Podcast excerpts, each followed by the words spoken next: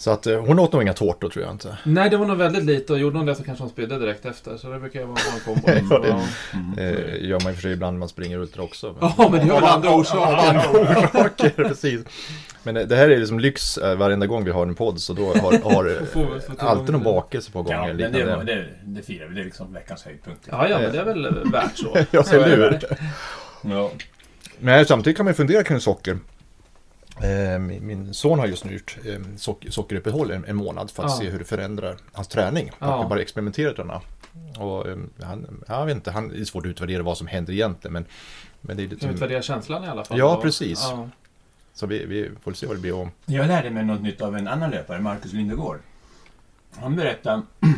Jag har jobbat ganska mycket, tänk, tänk, eller jag vill i alla fall försöka jobba för att vara fettdriven Ja. på distanser. Ja. Nu har jag inte haft tid eller möjlighet till så extrema kostomläggningar, men han berättade att det är fel. Han sa att det var fel. Att det finns visat att man intar du socker så ökar du även din fettförbränningsförmåga. Du måste exkludera kolhydrater och träna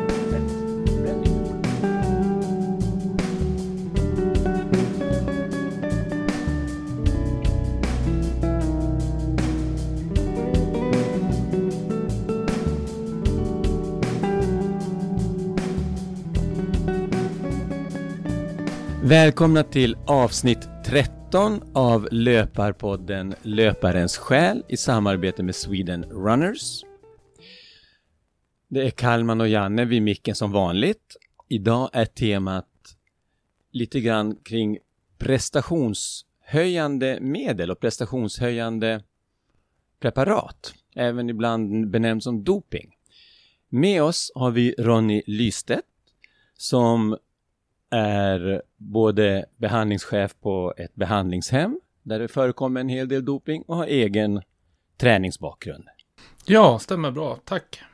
Välkommen Ronny! Tack så mycket. Vem är du? Vad har du för träningsbakgrund? Min träningsbakgrund är nog mycket lagidrott i grunden så. Um, lagidrottat egentligen hela uppväxten någonstans. Um, fram tills jag var 20 tror jag. Um, gjorde jag en ganska allvarlig axelskada. Um, och, och det ledde mig in på styrketräning, någonting jag föraktade innan det, så tyckte var onödigt ont så. Eh, men under den rehabfasen fick jag upp ögonen för att det var en viktig del för att även kunna prestera i lagidrott så. så att, ehm, där någonstans så utvecklade jag väl ett intresse för, för träning, eh, började utbilda mig inom träning. Ehm, först massör, träningsinstruktör, eh, personlig tränare. Och eh, på den vägen är det lite grann. Så jag slutade själv med lagidrott när jag var runt 22-23, eh, en skadad ljumske så. Ehm, och därifrån så, så satsade jag mer på, på att träna andra. Så, så att eh, jobbade väl nio år på sjukgymnastik som, som rehabiliteringsansvarig där för, för skador. Under den tiden så, så utbildade jag mig till personlig tränare och drev, drev gym åt Örebro universitet under några år. Eh, och då tränade lite, lite idrottare enskilt i, i, för att bli bättre grenspecifikt så. Mm. Så på den vägen är det träningsbakgrund och sen är det nog bara idag ett allmänt hälsotänkande att det är, ja men må bra. Mm. Ja, så styrketräning varvat med kondition idag. Någonstans. Kör både och. Kör både och, försöker köra lika mycket av varje. Mm. Mm. Det är en bra mix. Ja, jag tänker det. Ja. Eh, och jag tycker väl att belöningen av konditionsidrott är mycket skönare än belöningen av styrketräning egentligen. Då det är större ja, frisättning av endorfiner och sådana bitar. Så. Är det så? Jag tror det. Eh, jag har i alla fall bättre utbyte, tycker jag, av, av känslan av välmående efter konditionspass eller styrketräningspass. Det har vi diskuterat förut, hur det kommer sig, för att vi upplever, i alla fall vi löpare, och jag Mm. pratar för mig, upplever att det är en högre tröskel till gymträning än till löpträning. För att komma igång med För att komma igång med det menar jag. Jag tror att styrketräning har nog varit vä- väldigt mycket förknippat med att man måste kunna för att gå till ett gym. Så många har, tror jag, undvikit tidigare att gå till ett gym, för det har varit lite, tycker jag, klubben för inbördes beundran. Kan man någonting väldigt bra, så håller man det för sig själv. Men de sista tio åren har ju det exploderat någonstans med Ja men man är mer öppen, man har instruktörer på gymmen, man visar om det är något som är fel, det är okej att komma som nybörjare. Så jag tror att det där har byggts bort. Ser man nu nykomlingar på gymmet idag är det väldigt mycket tonåringar från 13, 14, 15 år uppåt, går i grupper. Många gym kör tonårsinspiratörer som finns med och tränar med de här yngre, så man får in en rätt metodik. Så att jag tror att de här, det här har suddats ut, den här gränsen. Jag tror den är, är borta lite grann. Att det är mer okej att gå och inte kunna. Okej. Ja, det är i alla fall min upplevelse att när jag började styrketräna så skulle du kunna. Och kunde du inte titta alla snett på det och hoppas att man skulle skada sig. Jag tror att det är borta liksom lite grann nu. Ja, tra tragisk tradition. Väldigt tragisk tradition. Men eh, nu jobbar du också med, det, det, är du- med, med beroenden. Jag jobbar med beroenden, precis. Eh, missbrukberoende, eh, kriminalitet, eh, så. Eh, och gjort i snart 13 år då. Jobbat Okej. med eh, Mm. som terapeut och sista tre fyra åren som behandlingschef. Så. Mm. Mm. Och det här med att träna kan ju också bli ett beroende på olika sätt. Och, och många vill ju komma framåt och jag, jag kan själv tycka det är intressant. Jag, jag, jag ser ju många som håller på med att eh, ja, men det ska vara näringstillskott, alltså man ska Mm. eh, köpa och det är ganska dyra grejer dessutom. Mm. Och, det, och ibland blir jag fundersam, vad- gör de här egentligen med oss? Är det bra eller finns det på något annat sätt man kan få den här energin man behöver, eller tillskotten och dessutom vilket eh, eventuellt beroende kan man få där? Jag vet inte hur, hur man ser på sånt. Ja, men alltså, jag håller, håller med dig. Man måste nog tänka vilken effekt kan man få av det här jag tar? Vad kan jag förvänta mig av det? Liksom, vilken effekt ger det egentligen? Eller är det bara någonting man förväntar sig som ger effekt? Jag tror att det finns vissa undersökningar som visar att två av 20 funkar på något sätt, så kosttillskott. Mm. Vi har valt att göra så på det behandlingshemmet jag jobbar på, att vi, vi har tagit bort alla sådana bitar. Du får äta naturella saker, du får med dig kvarg, du får med dig ägg. Ehm, men ingenting i pulverform, inget proteinpulver, inga kolhydrater, inget kreatin, inga, inga sådana bitar. Varför då? Om, Det- om, det, om det ändå inte ger en effekt, vad spelar det för roll? Ja, alltså dels tenderar det att vara ganska hårt på kroppen. Allting ska ju brytas ner och ger du det i ren form eh, så blir det tuffare för kroppen att göra. Har du ett missbruk av substanser tidigare så är lever och njurar ganska hårt ansatta redan. Så ska du utsätta dem för rena former av överdrivna mängder av något som, som man bara behöver i små portioner och kroppen kanske inte kan ta upp det. Det är liksom det ena. Och vi måste skydda våra killar för allt som är någonting som kan leda till en besatthet. Och de, de tenderar att bli besatta, som man kan bli av träning. Man byter ett missbruk från ett annat. Och då ska det vara antingen så ligger man som en gurka i sängen, eller så ska man köra fyra timmar på gym varje dag. Och då blir det samma med, med användandet av substanser, att det går till överdrift. Mm. Ehm, så vi försöker ge dem en normaliserad eh, balans i, i varandet. Liksom. Äter man na- naturlig bra kost varje dag så räcker det gott för ett bra träningsresultat och du mår bättre. För vi ska ju bygga upp någonting hos dem som håller på hemmaplan.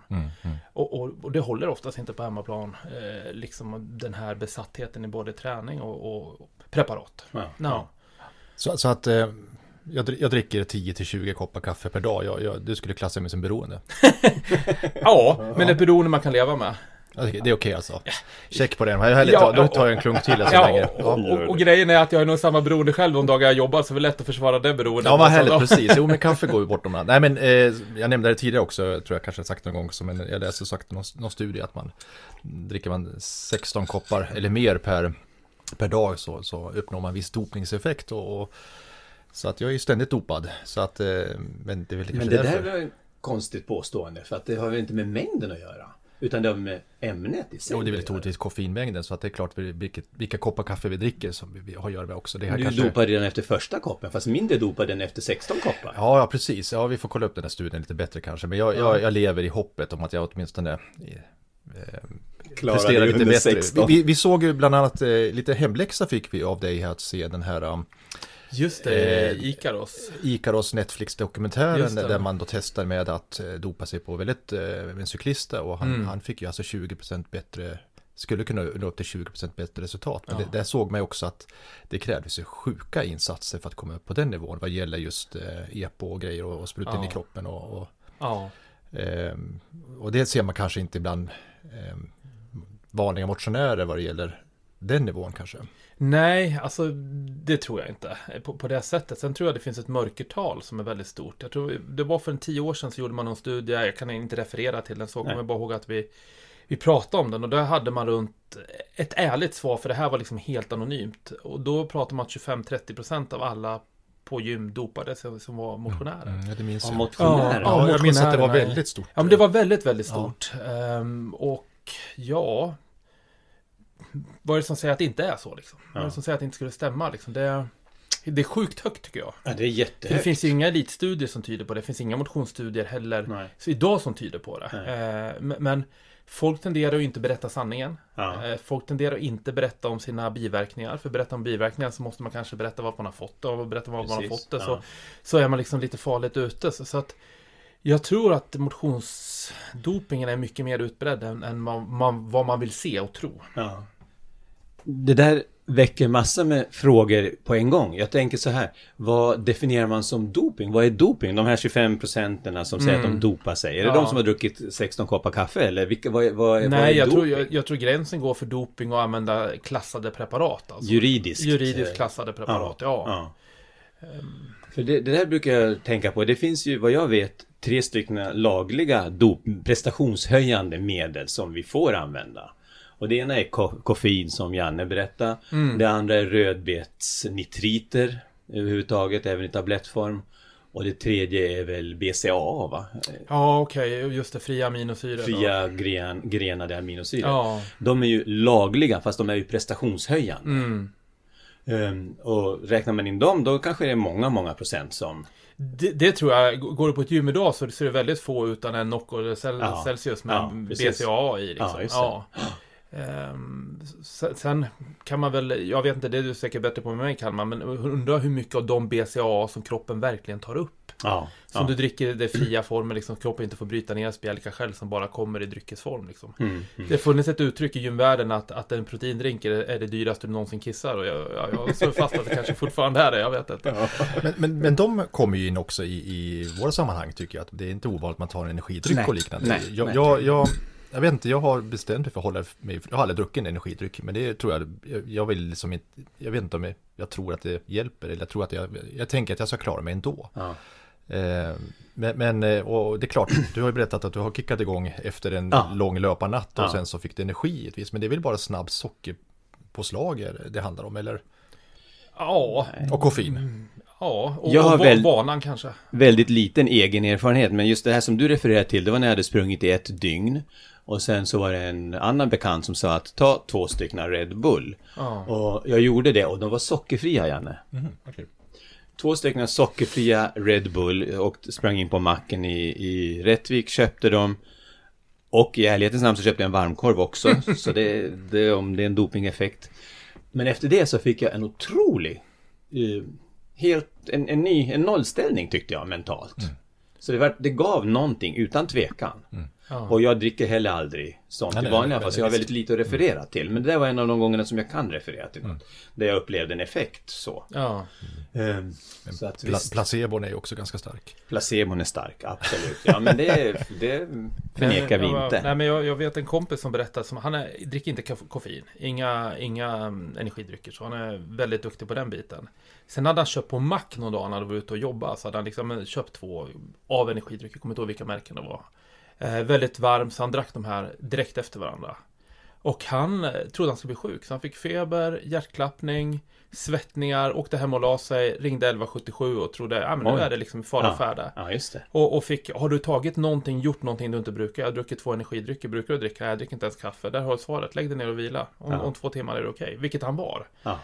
Eh, Men alltså det kickar igång så hemskt alltså. på, på honom som inte var van vid koffein Ja. och sådana bitar. För det är ju ganska höga doser koffein i, i en, eh, de flesta energidrycker just för det att få är den här olika effekten. sorters koffein också, eller centralstimulerande. Det är inte bara vanligt koffein, utan det är taurinsyra Mm, och eh, guarin eller något sånt Just det, det är så det, det är tre olika sorters koffeiner som tydligen är lite olika verkande. Så det är mycket i de där dryckerna. Ja, det, nu pratar ni helt ovanför huvudet med, alltså det är bara Ja. svischar här.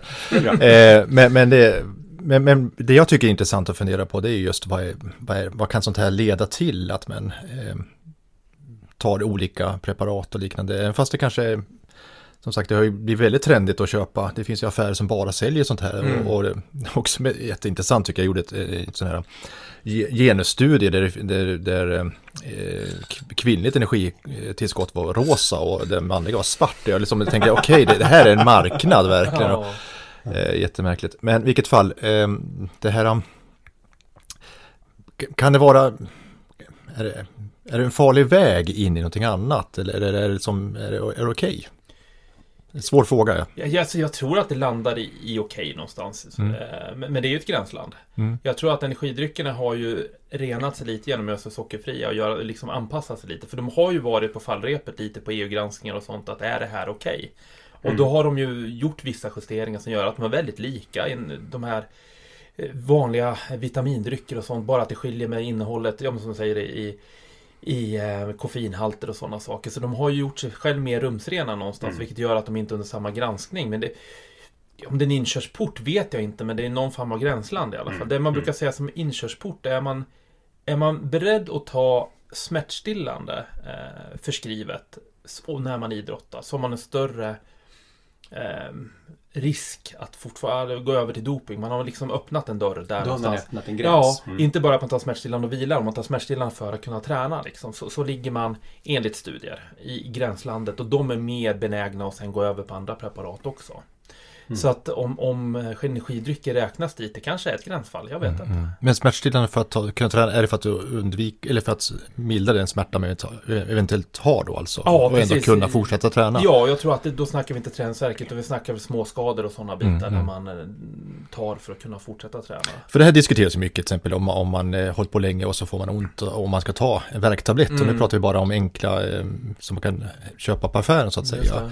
Eh, hur farligt är det? Och, och det är klart, om man då döljer eller försöker mörka den, alltså rent på kemisk väg mörka Ja. den smärta man har så kan det ju klart förvärras Ja, också. Precis. förvärras, men det är som Ronny säger, då har man gått över också någon form av moralisk gräns, Ja. tänker jag med. Ja, för det kroppen en- säger egentligen nu är det dags att vila. Ja, Ja, precis. Det här funkar Om inte man riktigt. struntar i att lyssna på det. Ja. Sen tror jag kanske inte att det handlar om två paracetamol eller någonting utan det kanske snackas någonting mer receptbelagt liksom. Ja. Men Mm. man är ändå ute på, på någon väg där, där man är kanske beredd att kliva över nästa gräns också.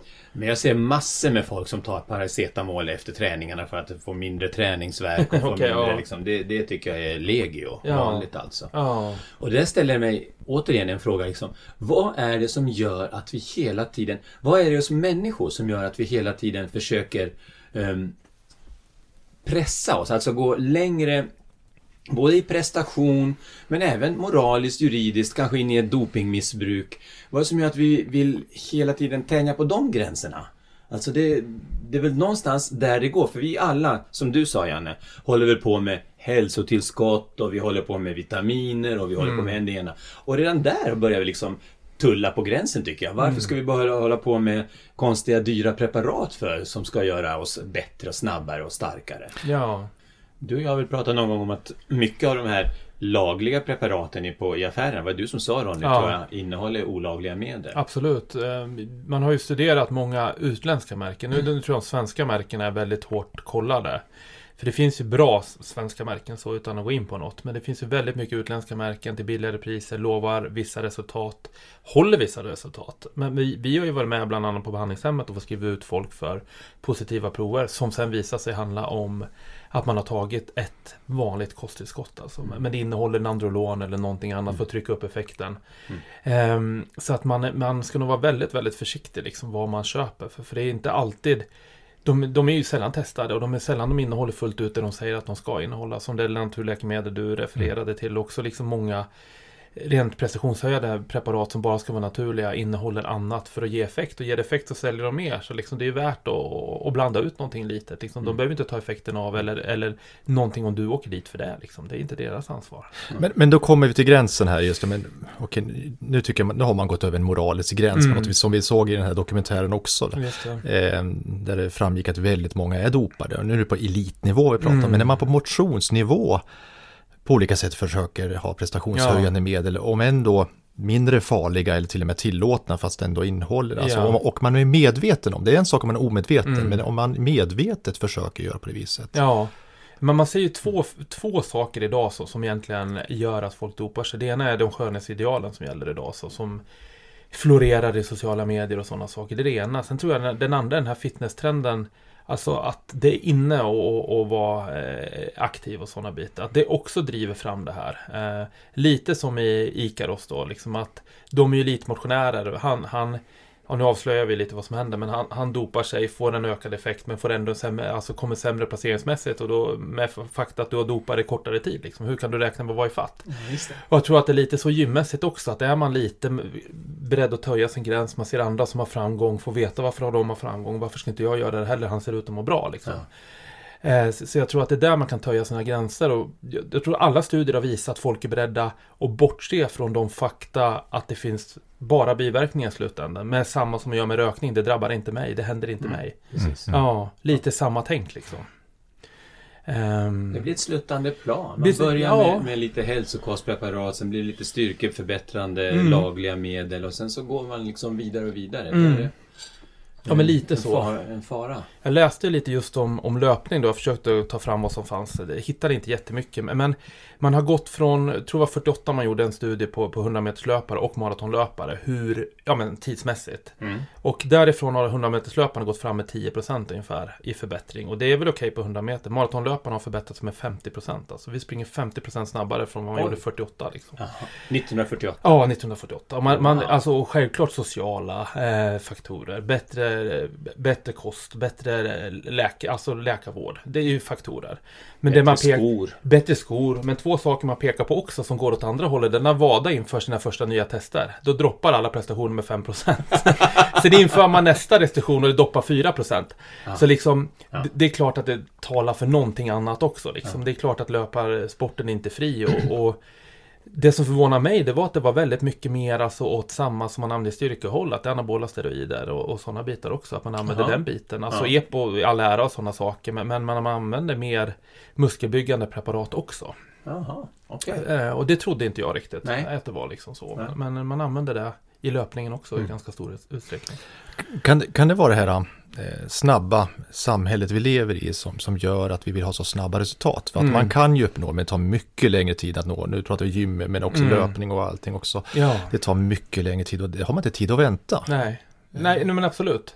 Eh, Så, så man kan skjuta fart lite på det här och idag så tror jag att du, du Alltså går man tillbaka många år med doping så var det liksom ganska få preparat, ganska tydliga biverkningar, ganska lätt att se. Liksom. Men det, det gör du ju inte idag. För, för idag köper du ett kit där du köper motverkande mediciner. Eh, för för det, det jag vet man pratar mycket om förut, det var man eh, senfästen och sådana saker hängde inte med. Så var det någonting man gjorde så drog man sönder en muskel i sitt fäste liksom.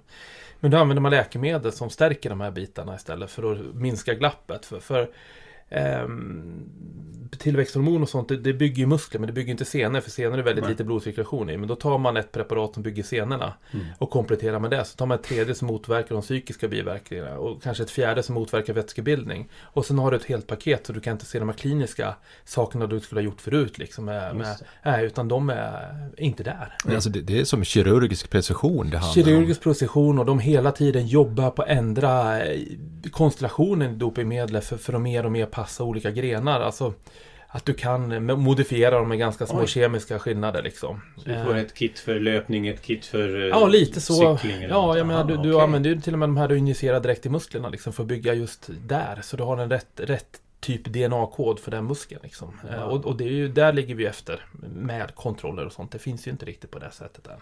Så är det väl alltid nästan tänkte jag säga inom kemivärlden att Fusket den ligger svarta före. marken, fusket, fusket ligger före Ja. den legala. Mm. Så det är alltid med allting. Alltså först kommer den tekniska utvecklingen och innovationen och sen kommer Mm. etiken. Eh, Ja. Etiken ligger alltid ett steg bakom. Mm. Mm. Eh, och och, det, och det, det, det kanske är naturligt, det kan liksom inte komma före på något vis. Nej. Däremot så kan vi ju se kanske vissa tendenser att det borde komma. Mm. Eh, men men eh, det, är, det är som ett stort skepp som kanske strandar i Suezkanalen på något vis. Vi kanske borde kunna listat Ja. ut att det kunde hända. Eh, och helt plötsligt händer det och då blir det kaos. Eh, Ja.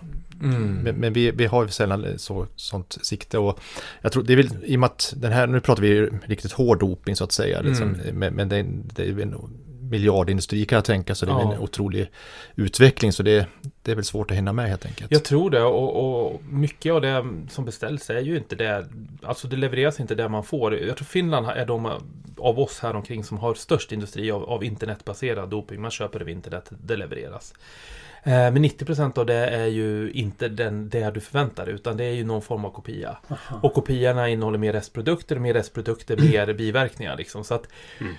Eh, det är ju en farlig väg att gå också. Man, man lägger sina, sitt liv i händerna på, på någon Ja, som lovar ja. att det är preparat. Liksom. Men- det är en utländsk sida som man inte har någon koll på. Liksom. Någon oren fabrik i Lettland Ja men lite så kan, Ja. kan det vara.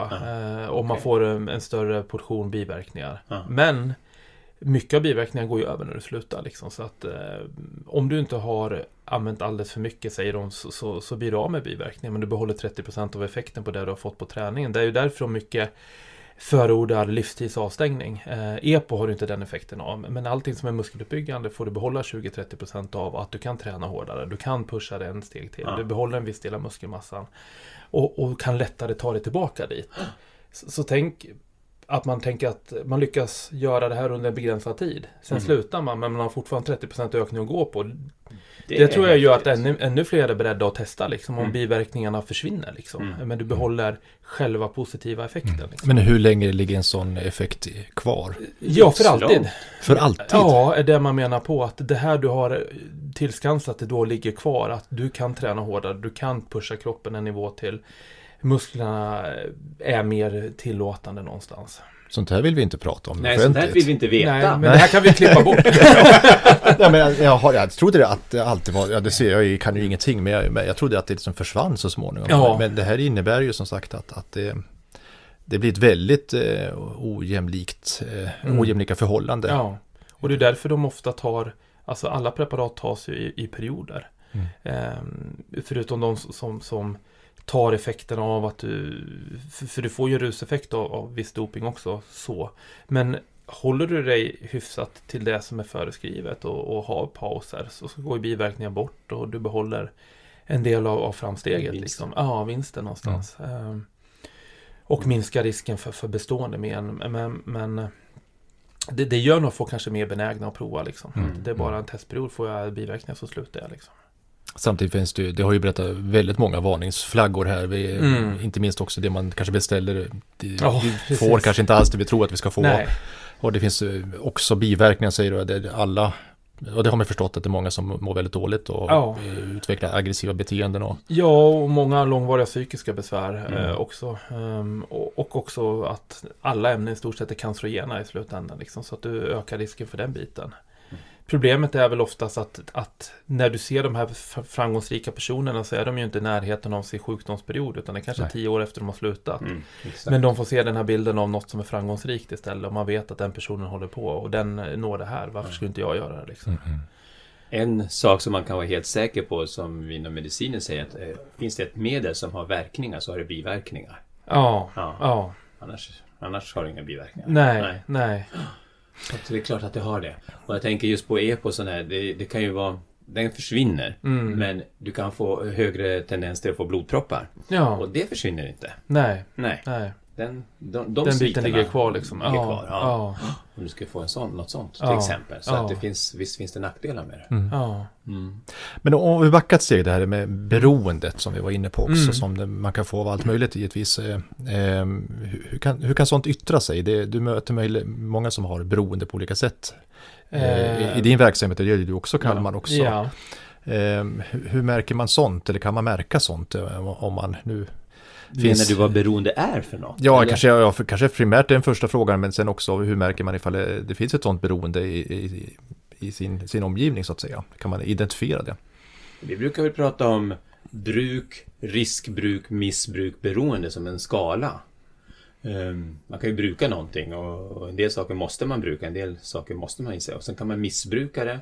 Sen har man ett risk, eller förlåt, så kan man ha ett riskbruk när man använder det på ett felaktigt sätt. Ehm, missbruk när det börjar få konsekvenser. Och slutligen när du har ett beroende, när du har då ska du ha de här fysiska symptomen. Att utveckla tolerans, eh, kräva större doser, eh, ha en abstinens ofta när du sätter ut det, någon utsättningseffekt. Lite så, då är man uppe i beroende. Okej. Mm. Och det kan man göra med ganska mycket. Det måste inte vara nödvändigtvis vara dopingpreparat. Det kan vara Red Bull eller vad som helst. Alltså laglig dopning eller även helt annat. Vi pratar ju om socker och sockermissbruk finns det ju. Det finns mycket man kan. Både... Ja, och vi pratade om ortorexi innan också, Ja. ett beteende som förändras, Ja. som blir Mm. bero- beroende också som Mm. sagt ju. Och det är därför jag tycker det är så viktigt eller intressant, det som Ronny säger, den här gränsen. Var, var sätter vi gränsen? För det, jag ser det som ett sluttande plan. Det är lätt att börja ta Alvedon när man har träningsverk och sen så börjar man lite hälsopreparat och kosttillskott och sen går man till lite lagliga medel. Sen tar jag jättehöga doser kaffe dagligen eller, eller något annat. Och sen så, så, så skjuter man hela tiden på den här gränsen. Och sen, det går ju en juridisk gräns där, men det är lätt att man börjar liksom tänka, ja men det här är ju lagligt i USA, där köper jag ifrån. Liksom. Så, det var, jag, så tänjer man på den gränsen. Och, så, och så är det ett sluttande plan. Och det tror jag, och det gör oss hela tiden mer och mer hemmablinda. Och jag tror jag är det som egentligen är risken med all form av beroende. Att vi blir så vana vid den nivån så att vi hela tiden sluttar, glider lite grann. Jag vet inte om jag uttryckte mig, men du Jo, förstår. det, jo, absolut, det tycker jag. Ja. Eh, och jag tror man ska kunna säga också liksom med träning att när det börjar påverka ens omgivning negativt så är man nog inne i ett, ett eh, missbruk, skulle jag vilja säga. Och, och där, man ska säga att familjen påpekar att du fan shit, kan inte du stå över löprundan idag? Det skulle vara skönt att mysa på fredag. Nej, jag har bestämt mig, det ska vara 1,5 mil, det är det som gäller liksom. Så att vi ses sen. Då har man nog gått över den gränsen om man inte ska tävla i OS eller VM, liksom, för vad man inte kan avstå ett träningspass för att familjen kräver det. Jag tror att där går gränsen någonstans. Och ska man se till vårt jobb så skulle det vara att man våra killar ofta byter ett beroende mot ett annat och, och gärna till en början så tycker vi det är okej liksom och sluta knarkas och träna istället liksom. men, men sen måste vi styra om det till någonting som är normalt. Mm. Och, och, och jag menar, träna två, tre pass per dag, det är inte normalt. Eh, som en vanlig motionär. Och då försöker man begränsa den killen så, så gör han armhävningar på rummet eller står och gör höga knän. Då är det ett beroende, eh, tycker jag, eller ett missbruk. Ja, man är över, över på beroende liksom. Och det, den biten när det gäller träning är ju svårare att säga för att omgivningen är ofta så nöjd med att du är duktig, du får beröm för någonting, du vet själv oftast att det är fel. Men du får fortfarande höra att du är duktig, så vart går gränsen för det liksom? Ehm, och all form av beroende eller missbruk grundar sig i någonting hos sig själv, skulle jag vilja säga, som man saknar eller skulle vilja uppnå liksom. Och då kan man uppnå när det är där och känna att man duger, en bra självkänsla eller, eller i alla fall att man är, man är en prestation liksom och det är bättre än att inte vara någonting. Så att det där är en um, svår gräns. Men jag skulle säga att där familjen på, påverkas och lider, då har man gått över en gräns. Inte att det är en gång, men, men att de ständigt påpekar det. Liksom. Men det här då, när din kropp börjar protestera och lida Ja. och du kör över, ingår det också i samma? Både ja och nej skulle jag vilja säga. Alltså, alla löpare har varit skadade någon gång liksom, till och från. Och man får försöka hitta en variant till att och förhålla sig till det. Eh, Jag tror kanske där man inte accepterar det och försöker springa på ett ben. Så kanske det börjar bli, bli en överdrift. Eller där man inte kan byta en sargad vad mot, mot cykling en stund liksom bara för, för att justera. Utan man ändå provar att springa. Då ska man nog börja fundera på om man inte är farligt ute. För det är som du säger, alla löpare har varit skadade. Absolut. Och väldigt många säger också att ja, men jag tränar mig igenom det. Ja. Jag sprang mig igenom skadan. Mm. Och är det bra? Är det dåligt? Det där har jag funderat mycket kring. Ja, Var Har jag, har jag aldrig hört någon gång någon säga. aldrig upplevt heller. nej. Aldrig varit skadad Janne, vad skönt. Ja, Ja, nej, men jag känner igen mig helt i det och, och, och ibland funkar det ju dessutom. det gör Ja, ju det. Faktiskt när man springer. Absolut. Visst, det, det, jag har ju sprungit bort både smärtor och, och förkylningar. Tror jag i alla fall. Men det kanske jag inte gjort Jag har fått egentligen. rådet av dig att springa igenom min hälseneskada, ska jag be att få tala om. Ja, men det kommer jag ge alla det rådet faktiskt. Det, Gick det? Det gick. Ja. Det gick. Det gick. Varför den nu? Jag fortsatte att springa istället för att bryta av när jag hade ont, så Ja. fortsatte jag springa. Ja. Jag bröt av först, så hade jag en paus på, kommer inte ihåg, 5-6 veckor. Mm. Och sen så jag att men fortsätt springa. Så började jag långsamt, långsamt och sprang och gick igenom det, Ja. absolut. Så det Sen la renderar jag, till, inte... jag, la- jag la till en massa rehabiliteringar Ja, ja, också. absolut. men, men jag tror att det var det som Ja. gjorde skillnad. Mm. Men visst är det så att man, man måste, och det är en gång vi har pratat om förut också, man Mm. måste ju klart lyssna på sin kropp. Och Ja. som sagt, jag ska inte sticka ut med halsont och känna mig i feber, då ska jag aldrig ge mig ut. Det, det, lite sunt förnuft måste man ha givetvis. Men, men jag tror att det här du pratar om att familjen, eh, man försummar familjen och liknande, Ja. nu är vi inne på det, ortodexi nästan. Och, Ja. men det, jag tror många kämpar, jag kämpar ju, jag har inte tränat idag och det, som det var ett motstånd att inte ut och springa idag. Ja. Det, och det är jobbigt alltså, Ja. och det tror jag det måste man arbeta med, precis. Det är ett beroende, jag har ett beroende. Mm. Jag har ett löparberoende. Mm. Ja. Ja, jag trängde in 45 minuter eh, crosstraining när jag kom hit så jag fortfarande svettas av det. Så liksom, jag tror att alla som tränar måste eh, fightas med det här, Mm. eh, tror jag. Liksom och vara var, var vaksam på det. För samtidigt är ju det ganska tunn gräns från att inte kunna träna alls med en känning. Och då blir det ju inte mycket träning gjord liksom. Nej. För då kan man hitta känningar hela tiden om man vill. Mm. Eh, så så liksom, det är en tunn gräns var gränsen går. Men jag skulle nog vilja dra det där det påverkar familjen. Liksom. Mm. Att man kan springa genom en vadskada, men funkar det, gör det. Liksom. Eller byta aktivitet eller någonting sånt. Mm. Men där man tvångsmässigt måste träna så att det nästan liksom blir, blir chins i, i dörrräcket bara för att köra någonting man går och lägger sig. Då, då är det nog liksom Mm. På gränsen till för mycket. Men jag tror att jag känner igen mig i det där också. Jag, eh, I och med att jag gillar att träna någonting typ varje dag. Så ska jag ta en vilodag, då lär jag bestämma mig före att imorgon är det vila. Mm. Liksom. Eh, Mm. Blir den spontan så blir det svårare att hantera. Mm. Mm. Om man tvingas till den. Det funkar, men, men det är inte helt bekvämt. Nej. Nej. Men du mår alltså inte bra om du inte får springa. Du kan inte ha en skön helg utan löpning och njuta av vila. Alltså två dagar vila på rad, det är max. Det är max. Sen mår jag inte bra Okej. eh, mentalt. Eh, jag har upptäckt det att jag, då, då, då mår jag inte bra. Mm. Eh, och, och då måste jag ut. Men de två dagarna kan du njuta. Nej. Nej. Utan, första dagen kan jag nog njuta, men andra dagen börjar jag känna att det här är inte kul. Men jag gör det ändå för att Mm. jag tror att det kan vara viktigt att vila. Men, men alltså jag mår inte bra av det. Nej. Okej. Så att visst har jag ett beroende, Mm. definitivt. Mm. Och det kanske är det till och med starkare med ett kaffeberoende, vilket är märkligt. I att, Det vore märkligt. det vore märkligt, men, men ändå. Eh, och det är ju, ska jag vara bekymrad? Jag frågar dig. Då, då frågar jag, är din, är din familj bekymrad? Nej, jag tror inte det. Inte innan de hörde det poddavsnittet i alla fall. Jag tror att du brottas med det alla brottas med nästan. Jag tror speciellt när man är någonting man faktiskt verkligen trivs med. Mm. Ehm, Jag tror att skulle man hålla borta någon som, som och nu kanske en dålig jämförelse, men om, om, om man håller på med någonting annat som ridning eller någonting och, och man, man tar en, en vila från ridning fast man egentligen skulle vilja rida liksom för, för ja, av någon anledning Mm. så längtar man ju tillbaka och det är väl bra att man längtar tillbaka Mm. till träningen. Jag tror att man måste ligga på gränsen om man ska kunna nå motionsframgångar också. Man kan liksom inte eh, liksom inte ligga där, om det, ni förstår vad jag menar. Man Mm, måste ligga precis. på gränsen tror jag, Mm. i vissa fall. Eh, och att det är okej, bara att man vet att man ligger på gränsen och går jag över det här att det börjar jobbigt för, mig, för familjen, då får jag nog kanske backa. Liksom. Mm.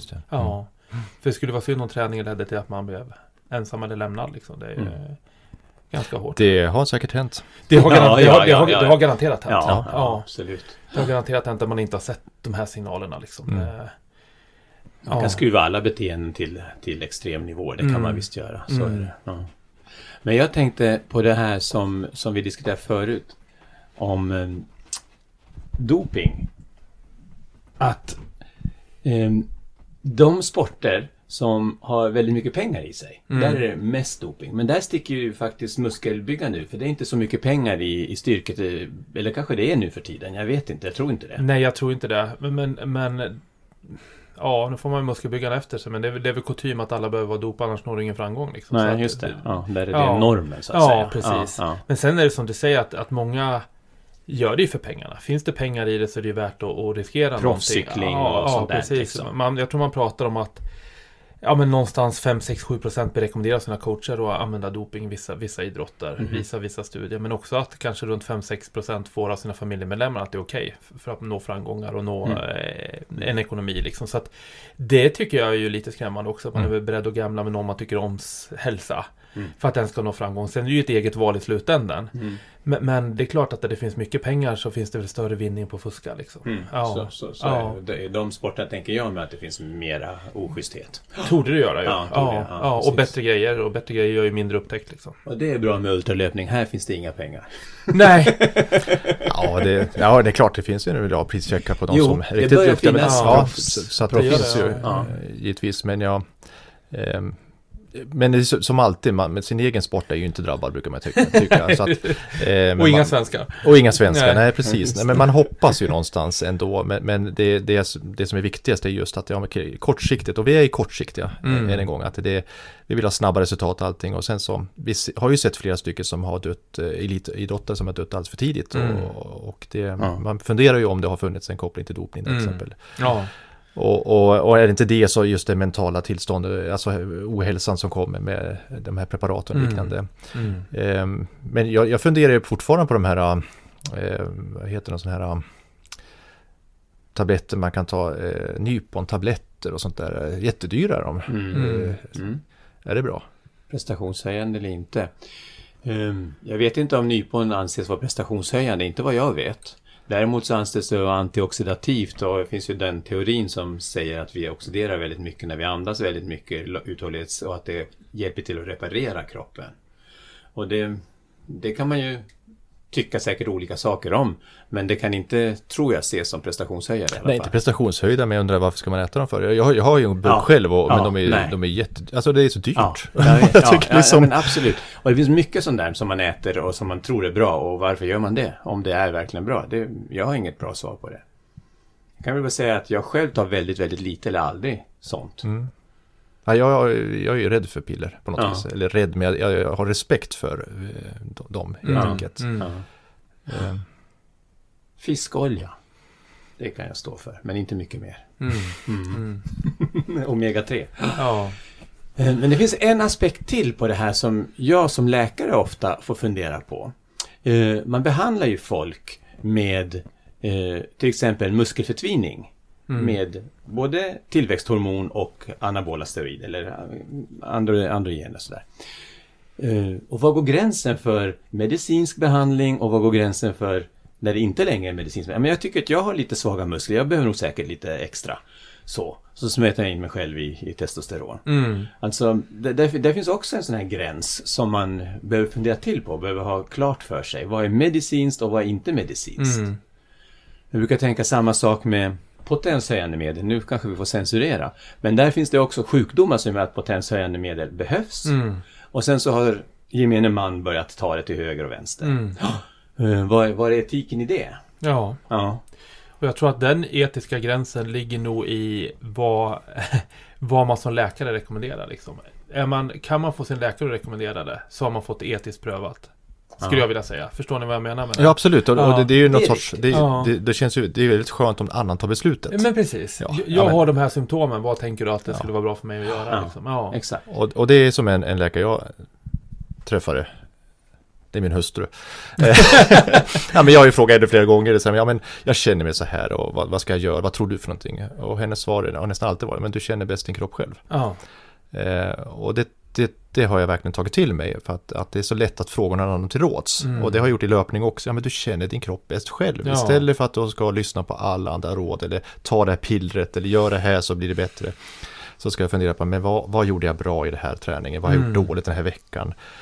Varför mår jag som jag mår? Till exempel, ja, ja men du känner ju bäst din kropp själv. Och, och det, är, det är så enkelt men samtidigt så, så logiskt tycker jag. Mm. Mm. Faktiskt. Ja. Det förutsätter att man har kroppskännedom. Det är också en egenskap som man måste träna upp och som en del inte har, Janne. Mm.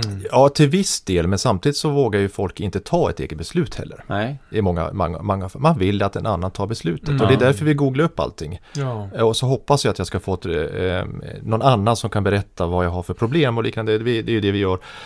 Eh, Eller att någon annan kan berätta, eh, ta ett beslut åt mig. Så säger Ja. jag, men jag läste det här, jag kör på det istället för att jag själv kan stå för mitt beslut. Det kan, det kan vara vägledande, det är en sak. Men en annan sak om man överlåter, och det är en ansvarsfråga tycker Mm. jag. Ja. Mm. Nej, men det är helt riktigt. Så att jag håller med dig definitivt att det är en del, en del kan inte känna, förstår inte hur kroppen fungerar eller sin egen kropp fungerar. Mm. Så kan det definitivt vara. Mm. Men, men jag tycker att fler kanske borde lyssna till just, du känner din kropp. Och jag, jag håller nog med i, i den biten Janne, att är man ganska vältränad så har man lärt sig känna sin kropp bättre tror jag än gemene man. Liksom. Mm. Att man, man kan känna en temperaturskillnad. Man skulle kunna känna en pulsskillnad utan att ta pulsklockan. Liksom. Att Mm. du känner att nu är det någonting i kroppen och vad beror det här på? Och jag tror en vältränad person är lättare Mm. att avgöra liksom vad som är vad. Sen när man lyssnar på det eller inte, det är ju det är en femma liksom. Mm. Men, men jag tror att man är duktigare på att känna det Det, någonstans. absolut. det tror jag. Det är an- analogi till det. det, är, det är, jag brukar inte titta på klockan men jag har, varje kilometer så, så burrar den till bara. Mm. Och det är ofta jag brukar springa och tänka, ja men nu borde kilometern komma. Och så Mm. burrar det till. Ja. Aha. Det är rätt Ja, just det. häftigt alltså. Ja. Då har man som lärt sig att ja, men en kilometer, oavsett om det går upp och ner och liknande, så kan jag ändå känna att här borde Häftigt. kilometern komma. Ja, men det Ja. är lite häftigt faktiskt. Ja. Det, det träffar inte alltid rätt, men många Nej, gånger nej, men det är faktiskt. sekunder det handlar om liksom. Ofta. Ja, precis. Och det är inte många. Eh, så det är rätt häftigt faktiskt. Det är Det är, också en del eh, självkännedom, hur man, hur man springer och Ja. tiden och allting. Det är många parametrar i det här också. Ja. Ja.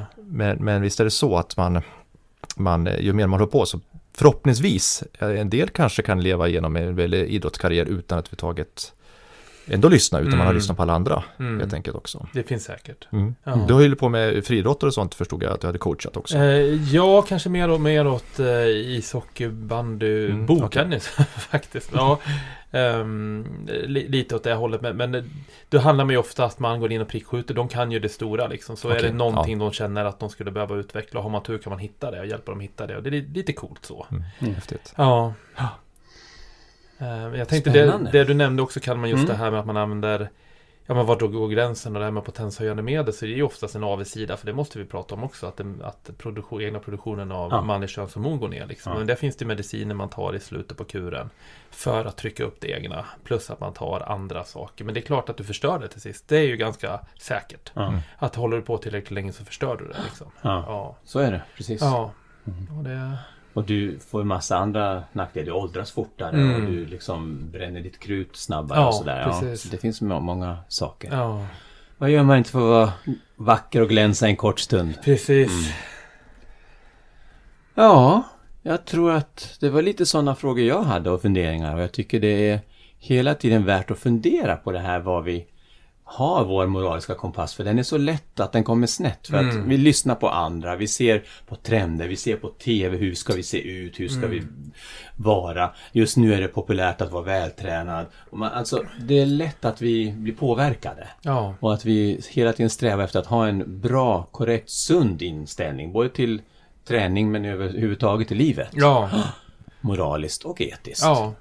Det, Och jag vet inte, men, men jag tänker att det är lite en utvecklingsfråga också. Yngre, mer lättpåverkad, Mm. mer lätt att berätta för kroppen hur saker och ting ska vara. Äldre, eh, lite visare, svårare att berätta för kroppen hur det ska vara. Kroppen berättar för en hur det ska vara. Så jag tror vi Mm. liksom, det är någonting som växer fram. Jag tror att vi äldre har ett stort ansvar att vara bra förebilder. Både på gym och i löpspåret. Liksom. Mm, Eh, med hur man ska vara och hur, hur framgång egentligen nås. För det är ju lång och trogen tjänst. Mm. Ja. Inom vad man än håller på med. Ja. Jag hörde en eh, replik här som jag tog till mig som var väldigt bra. Det var tydligen Anders Gärderud som sa att det tog mig fem år av träning för att orka, eh, för att hålla för träning. sa Ja, ja, ja. ja. Så det var, det var också tänkvärt. Ja, och det finns något sånt eh, talesätt inom, inom eh, oh, vad heter det nu? Crossfit också. Att, att eh, det är väl han eh, lyftaren, eh, personlig tränaren, han var häcklöpare. Eh, gör reklam nu för någon sån här maskulin eller sånt. Ja, strunt samma vad namnet på honom är. Men han, han säger två år av hård styrketräning innan du är redo att gå in i en crossfit-hall på riktigt. Liksom. Jaha, okej. Ja, och där har de väl haft sjukt mycket skador liksom ett tag. Så det är ju också det liksom att förbereda kroppen för, för Ja. vad, som presteras, vad som väntas kan. Liksom. Ja, Mm. ja. Ja, otroligt intressant och jag, jag måste säga att jag har lärt mig så otroligt mycket i det här samtalet. Jag, jag eh, är väldigt okunnig i det här men, men eh, väldigt spännande och eh, du är bara sprängfylld med kunskap. Så att jag skulle kunna sitta och prata mycket längre men jag tror att vi får nöja oss här och vi är otroligt tacksamma att du ville komma med i det här samtalet. Ja. Jättetacksam och hedrad att fått varit inbjuden och varit med. Var det Roligt. fantastiskt kul. Och ni alla där ute, fortsätt att spring och löp lätt och bra och sunt. Tack. Tack hej. så mycket. Tack. Hej med er.